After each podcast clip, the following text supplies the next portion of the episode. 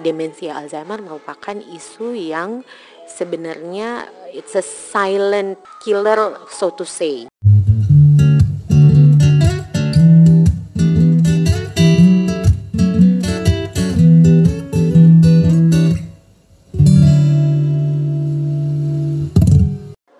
Selamat datang di Relatif Perspektif Podcast bersama saya Dr. Sheila Putri Sundawa. Dan hari ini saya lagi ada di acara spesial dari Alzheimer's Indonesia yang sedang mengacarakan acara rutinnya setiap hari Sabtu kumpul dengan uh, keluarga, kumpul dengan caregiver dan dengan ODD atau orang dengan demensia. So, kenapa sih hari ini kita mau ngomongin demensia? You know, demensia I think it's the future disease yang akan makin banyak di Indonesia ya kita tahu sendiri dong uh, makin lama orang-orang yang sekarang usianya produktif di tahun-tahun selanjutnya akan sampai pada tahap di mana mereka akan di usia yang lanjut. Nah, di usia lanjut salah satu penyakit morbiditas utamanya adalah demensia atau yang sering kita sebut sebagai pikun. Nah, yang menarik dari apa yang dikerjakan oleh Alzheimer's Indonesia ini adalah salah satu tagline-nya yang mungkin kalian udah pernah sering dengar, jangan maklum dengan pikun. Ya, hari ini saya akan ngobrol bersama eksekutif director dari Alzheimer's Indonesia. Halo Patty. Halo. Terima kasih sudah mau bergabung dengan Relatif Perspektif Podcast. Sama. Um, it was a really great event yang kamu kerjakan hari ini dan uh, rutinitas yang sudah dikerjakan bersama Alzheimer's Indonesia. Terima kasih kita sudah diundang dan bisa menyaksikan acara ini. Mungkin sepatah dua patah kata dulu untuk perkenalan dari Patty. So, how long have you been here? Um, saya terlibat dengan Alzheimer's Indonesia itu dari mid 2018. Um, it start as a volunteer karena um, before saya nggak tahu kalau ternyata orang tua saya kusin mama itu uh, sudah mulai menunjukkan tanda dan gejala demensia. Kita keluarga tuh nggak ada yang aware nggak ada yang tahu sama sekali. Kita hanya um, berasumsi bahwa ya udahlah itu udah makin beliau udah makin tua uh, itu proses penuaan dan juga karena beliau mengalami stroke sebelumnya. Jadi ya itu it's a part of the stroke. Hmm. tapi sebenarnya kita tidak tahu bahwa ternyata ada juga loh dari stroke itu bisa me, me, apa menuju ke demensia. Jadi awal terlibat dari situ volunteer kemudian makin tertarik makin tertarik dengan isu ini akhirnya sampai sekarang I'm managing the organization. Ya uh, itu perkenalan singkat dari Petty kita akan lanjut lagi di segmen selanjutnya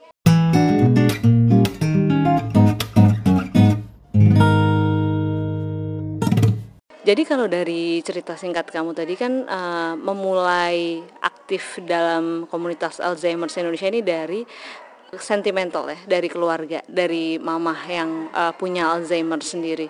Um, sebenarnya tadi kan uh, gejala awalnya sendiri itu nggak ada yang sadar. Bisa nggak sih dijelasin ke kita apa sih gejala awal biasanya uh, yang mengarah kepada demensia gitu?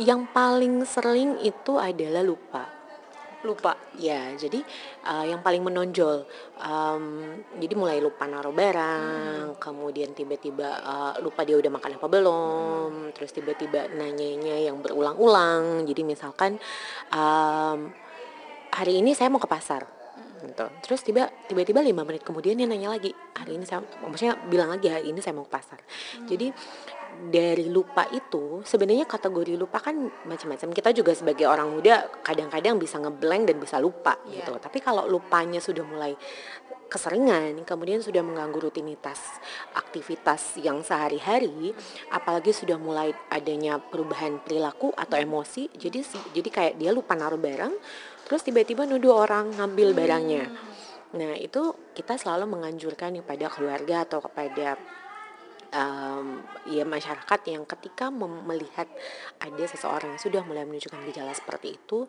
uh, carilah um, fasilitas kesehatan terdekat atau tenaga kesehatan untuk melakukan deteksi dini. Hmm. Itu. Jadi berawal dari lupa. Lupa sebenarnya um, kemudian ada juga yang kedua um, lupa jalan pulang jadi tersesat. Jadi kebanyakan lansia hilang kalau kita lihat di iklan-iklan iya, kan. Itu. Jadi banyak. banyak banget lansia hilang. Nah, kebanyakan dari mereka itu adalah sudah mulai menunjukkan ke arah uh, demensia karena mereka udah lupa jalan pulangnya makanya mereka sampai hilang dan tersesat jadi sebelum sampai parah sampai ketemu orang tua kita atau nenek kita ya yang lupa tempat di mana ada gejala awalnya tadi ya. Lupa naruh barang uh, lupa misalnya mau ngomong apa tadi diulang lagi gitu. Nah kalau selain dari gejala tersebut sebenarnya kalau dari secara fisik bisa bisa nggak?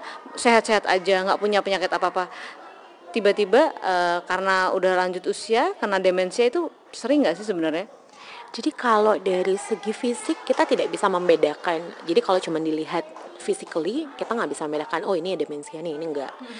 Tapi memang faktor resikonya itu ada. Hmm. Jadi faktor resiko yang paling uh, besar adalah non communicable disease, hypertension, diabetes mellitus, um, kemudian yang penyakit yang berhubungan dengan kesehatan jantung itu memang faktor resiko yang paling tinggi.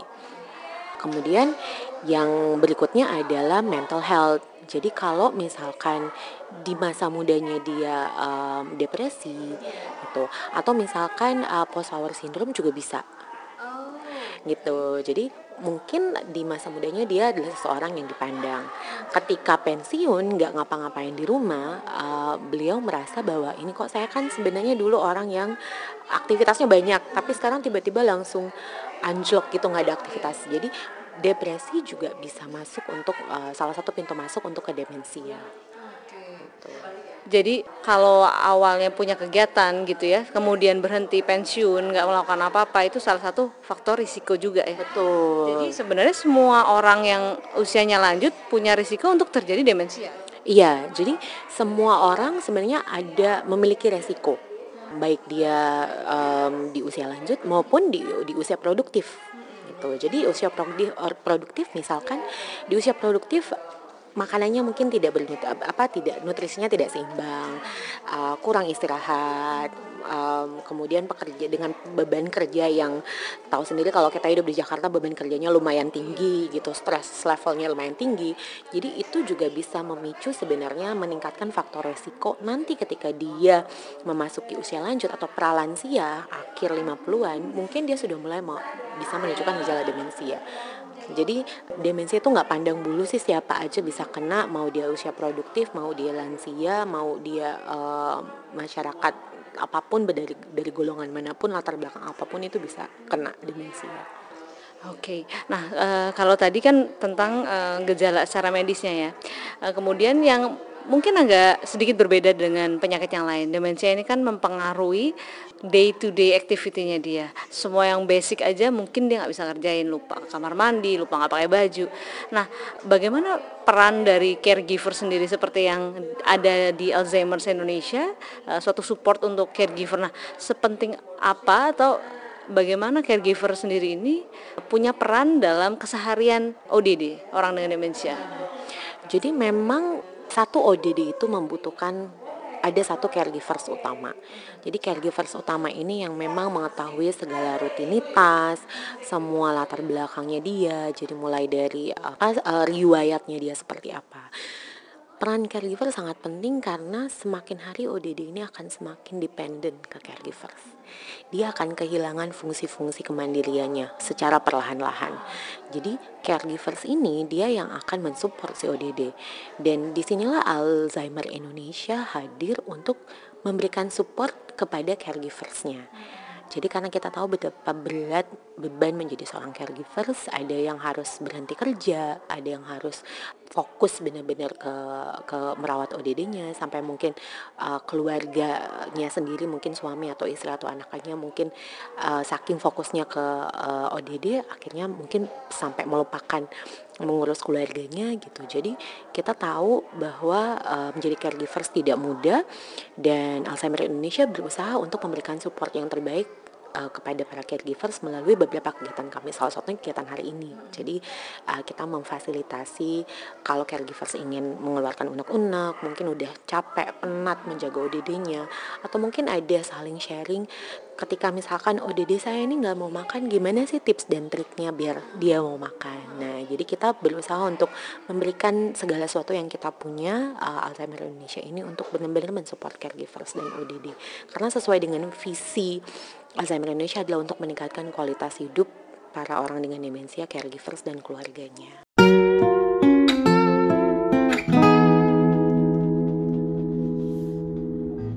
Oke, jadi uh, Alzheimer Indonesia sendiri ini adalah support untuk caregiver ya, secara tidak langsung juga support untuk ODD-nya, betul. Nah, uh, yang menarik adalah yang uh, aktivitasnya. Mungkin ini uh, secara rutin dikerjakan per minggu ya, bertemu dengan caregiver, bertemu dengan ODD. Nah, bagaimana keberlangsungannya setiap minggu? Maksud saya uh, mungkin ada yang tidak bisa datang setiap minggu itu bagaimana mereka boleh nggak sih datang oh saya cuma bisa uh, sesekali gitu apa harus rutin datang uh, setiap ikut sesi tin di sini atau gimana? Jadi memang kegiatan kami selalu konsisten kami adakan rutin kami adakan dan kami juga tidak bisa memungkiri bahwa menjadi caregiver dan menjadi ODD itu sangat fleksibel waktunya. Tiba-tiba sudah ada beberapa yang misalkan iya saya akan datang. Tapi tiba-tiba paginya waduh uh, mbak saya nggak bisa datang nih mohon maaf oh dede saya tiba-tiba ngambek nggak mau datang nggak mau keluar rumah. Gitu. Jadi uh, itulah dinamika yang terjadi di setiap kegiatan dan dan kita memang tidak pernah memaksakan untuk caregivers harus rutin. Pokoknya setiap kegiatan harus ada karena kita juga tahu uh, untuk datang ke suatu acara meninggalkan ODD-nya ataupun membawa ODD-nya itu merupakan suatu struggle untuk bagaimana membujuk si ODD agar mau gitu. Jadi uh, ada beberapa caregivers memang yang rutin datang, tapi ada juga yang come and go jadi uh, kita sih berusaha untuk yang penting kita melakukan memberikan yang terbaik kepada para caregivers dan kami rasa apa yang kami lakukan itu memberikan benefit yang sangat besar buat mereka. Ya, pastinya ya. Nah kalau misalnya ternyata rumahnya jauh atau tidak ada di Jakarta gitu.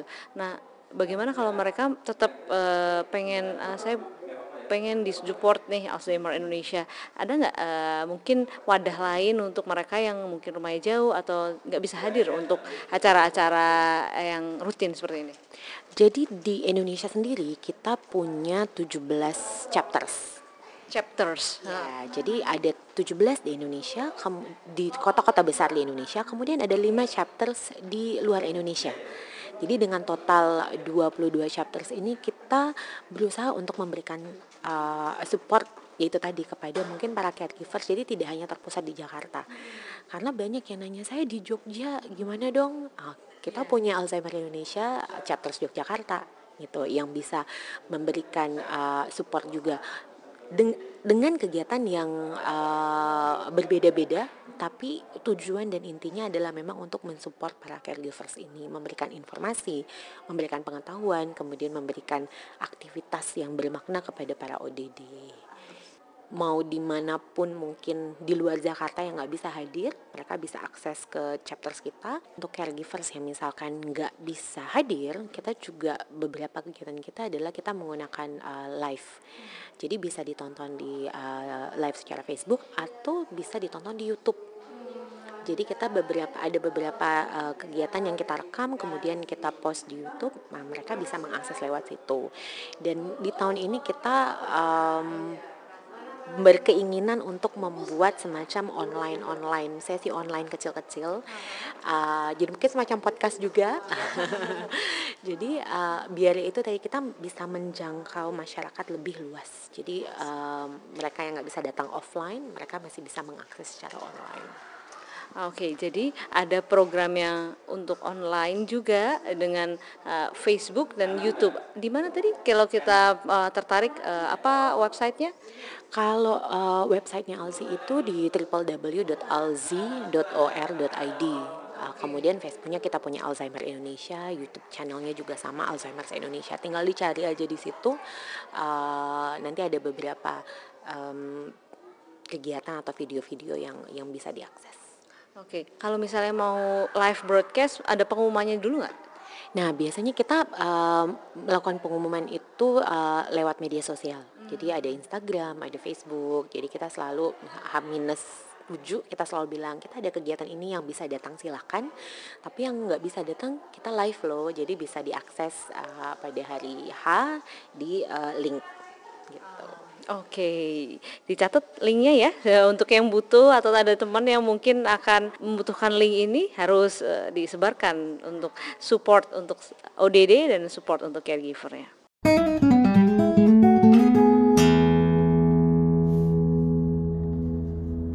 Untuk eh, komunitas Alzheimer sendiri ini kan suatu NGO.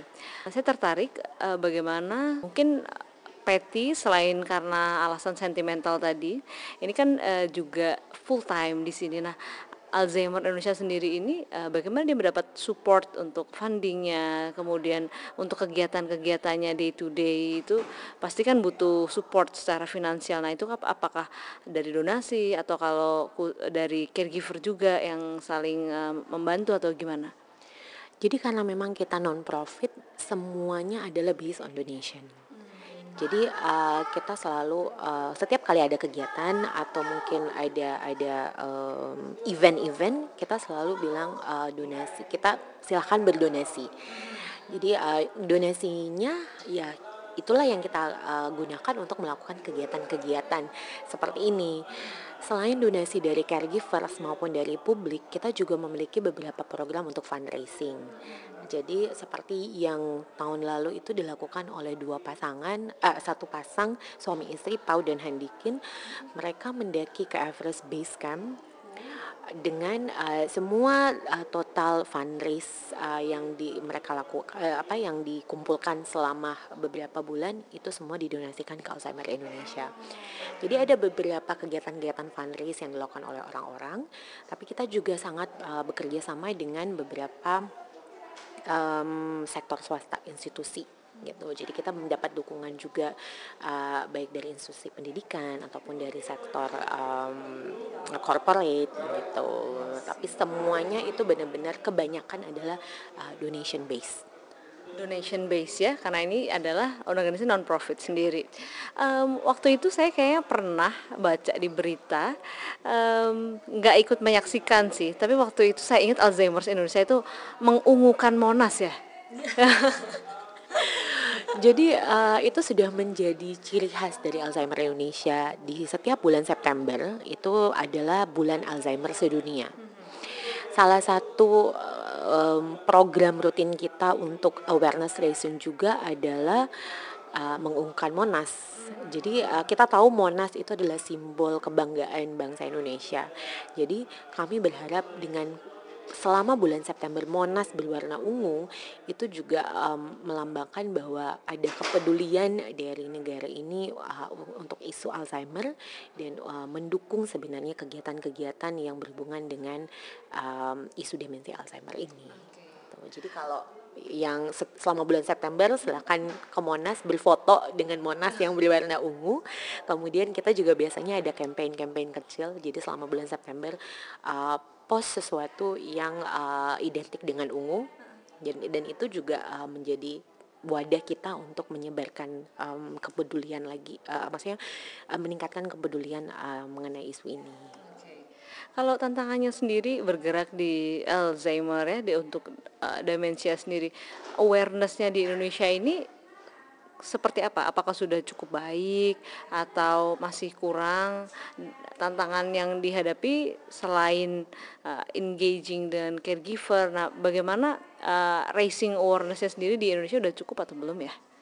Sebenarnya ini masih merupakan tantangan yang terbesar buat kami Em, karena kebanyakan dari masyarakat berpikir stigmanya yang ada di luar sana adalah ya udah kan udah tua, udah wajar untuk pikun, udah wajar untuk lupa. Gitu. Jadi itu yang sebenarnya kita ingin me- apa ya menghapus stigma itu bahwa tidak semuanya kalau kita menjadi tua itu harus pikun. Banyak juga para eh, lansia atau warga senior yang di usia mereka yang 90 itu ingatannya masih sangat tajam, mereka masih bisa mandiri gitu. Tapi karena memang stigma yang sudah terbentuk di masyarakat itu sudah sangat besar dan mengakar, jadi kita pelan-pelan untuk mengikis itu. Saya rasa sih dengan dengan kegiatan-kegiatan kami perlahan-lahan stigmanya itu sudah mulai apa eh, berkurang tapi tetap butuh perjuangan dan tetap butuh effort lebih untuk agar benar-benar masyarakat itu tahu bahwa um, demensia itu atau lupa itu bukan sesuatu yang normal ketika mereka sudah menjadi tua. Hmm, ya betul. Itu yang susah ya menghapus pola pikir orang bahwa pikun itu sendiri biasa itu. Itu mungkin apakah karena itu alasan pemilihan tagline-nya? Iya, jadi um, kita mencari tagline-nya uh, yang sangat apa ya ear catching. Uh, jadi jangan maklum dengan pikun. Jadi jangan pernah memaklumi kalau misalkan ada orang tua atau mungkin tetangga keluarga yang sudah mulai menunjukkan gejala pikun itu jangan pernah memaklumi. Karena kebanyakan kita ya udahlah wajar udah maklum kok dia dia udah udah tua gitu. Nggak apa-apa lah lupa lupa ya karena emang dia udah tua. Tapi sebenarnya tidak seperti itu. Jadi uh, dengan tagline-nya kita uh, jangan maklum dengan pikun kita berusaha untuk uh, lebih kencang lagi meningkatkan awareness bahwa uh, demensia Alzheimer merupakan isu yang sebenarnya it's a silent killer so to say. Gitu. Jadi kita nggak pernah tahu. Terus tiba-tiba uh, ketika sudah terdiagnosa uh, ternyata tahapannya sudah ya udah late stage Jadi kita udah belajar hari ini tentang Alzheimer, tentang demensia, tentang bagaimana pentingnya raising awareness dan bagaimana pentingnya caregiver dari demensia sendiri itu butuh support. Nah, uh, mungkin dengan adanya Alzheimer Indonesia dan kalian yang udah denger di sini ada yang tertarik nih uh, pengen ikut support Alzheimer Indonesia. Bisa nggak sih uh, kita mau volunteer gitu kalau mau ikut support? Jadi kita non profit Alzheimer Indonesia atau lebih disingkat ALZI adalah organisasi non profit dan semua kita based on volunteers. Jadi we're very welcome kalau ada teman-teman yang pengen volunteers, apa pun talentanya, apa pun skillnya, it doesn't matter. Yang penting ada niat, ada komitmen untuk membantu kami volunteernya ya kami bisa sesuaikan dengan um, minat, skill, talent dari teman-teman. Jadi kalau memang ada yang mau volunteer silahkan ke website kami, hmm. kemudian bisa mengisi form volunteer. Ah, gitu. memang ada rolesnya sebagai volunteer ya? Ada. Ya. Uh, jadi kalau misalnya ada yang tertarik, uh, langsung aja ke websitenya Alzi, uh, www.alzhi ya, oke, okay, .o or.id ya itu websitenya kalian bisa masuk aja ke situ terus isi form uh, volunteer untuk bisa bergabung di kegiatan-kegiatan Alzi yang lain. Now it's time for movie and book recommendation. Jadi untuk topik ini biasa di akhir kita akan ada uh, film dan buku yang kira-kira bisa kita baca, kita tonton untuk lebih memahami, lebih menghayati masalah dari demensia itu sendiri. Mungkin dari Peti dulu ada nggak uh, film atau buku yang direkomendasikan untuk kita? Kalau film sih saya merekomendasikan Still Alice. Still Alice ya, saya suka banget juga film itu. Kemudian kalau um, anda yang suka film Korea itu ada satu uh, film yang uh, menceritakan tentang Alzheimer uh, perjalanan menjadi uh, orang dengan demensia. Um, saya agak lupa sih judulnya apa, tapi um, itu film yang sangat terkenal uh, dan itu bisa melihat bagaimana sebenarnya perjuangan menjadi seorang um, caregivers. Kalau Still Alice itu kan dari sisi ODD-nya. Yeah. Kalau yang film satunya dari sisi caregiversnya bagaimana dia struggling untuk menjaga um, istrinya yang um, didiagnosa Alzheimer di usia yang lumayan masih muda. Mm -hmm. Jadi di 30-an sudah didiagnosa Alzheimer. Mm -hmm ini film tahun berapa ya? Biar kita gampang nih nyari ya nih. Bentar ya. saya, saya sambil, sambil browsing ya. Tapi kalau uh, buku itu uh, Alzheimer Indonesia sendiri um, kita menerbitkan beberapa buku. Uh, jadi ada Journey of Caring. Journey of Caring. Uh, jadi buat anda para caregivers. Um, yang mungkin pengen tahu atau baru menjadi caregiver sebenarnya apa sih yang yang uh, di yang akan dihadapi nantinya. Kalau saya akan memulai journey of caring ini apa yang harus tips dan tips dan triknya seperti apa gitu. Kemudian um, salah satu buku yang kita terbitkan juga adalah A to Z uh, panduan mengenai uh, Alzheimer.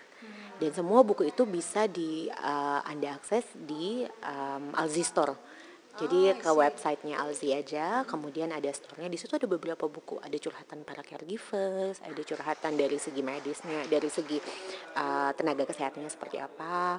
Jadi berbagai macam informasi sebenarnya bisa didapatkan dari buku. I see.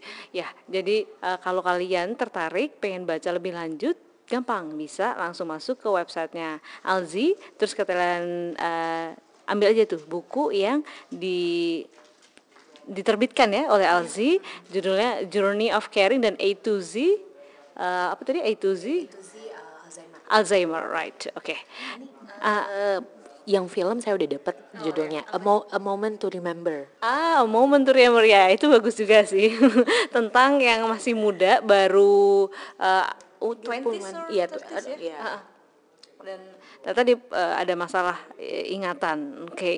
uh, untuk yang tertarik uh, nonton uh, bagaimana perjuangannya menghadapi orang dengan uh, masalah yang gampang lupa gitu mungkin bisa nonton film itu atau uh, kalau ingin lebih bersimpati bisa tadi ya nonton Still Alice ya. Still Alice. Uh, ada lagi mungkin yang mau buku atau film yang direkomendasikan? Um, kalau dari saya sih dua film itu benar-benar menggambarkan um, dua perspektif yang berbeda. Hmm gitu. Jadi baik dari segi um, caregiver dia baik dari segi usia yang satunya sudah um, memasuki lanjut usia yang satunya masih muda. Jadi um, it's a nice movie untuk bisa membandingkan sebenarnya dan melihat demensi Alzheimer dari berbagai macam sisi. Oke, ya terima kasih Patty atas movie and book recommendationnya uh, untuk uh, waktunya juga untuk undangannya untuk hadir di acara Alzi. Uh, sukses terus untuk komunitasnya, sukses terus untuk acara-acara ke depannya dan ditunggu mengumumkan Monas lagi di bulan September. Good luck and see you. Thank you. Jangan lupa kalau kalian suka dengan episode podcast ini, follow podcast kita dan share ke teman-teman kalian yang lain supaya mereka juga bisa mendapatkan manfaat seperti yang kalian juga dapatkan. Jangan lupa juga untuk follow Twitter saya @oxfara. Di situ kalian bisa mendapatkan banyak info kesehatan dan juga update setiap episode barunya Relatif Perspektif Podcast. Di Instagram kita juga ada di relatif.perspektif. Sampai ketemu di episode selanjutnya. Bye.